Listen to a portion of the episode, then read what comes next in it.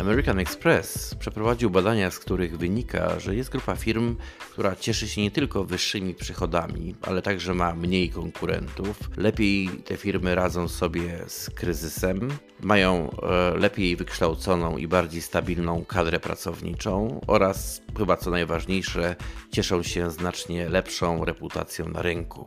Jakie to firmy? Te firmy łączy jedno: wszystkie one działają na rynkach międzynarodowych. W niniejszym materiale porozmawiamy o internacjonalizacji.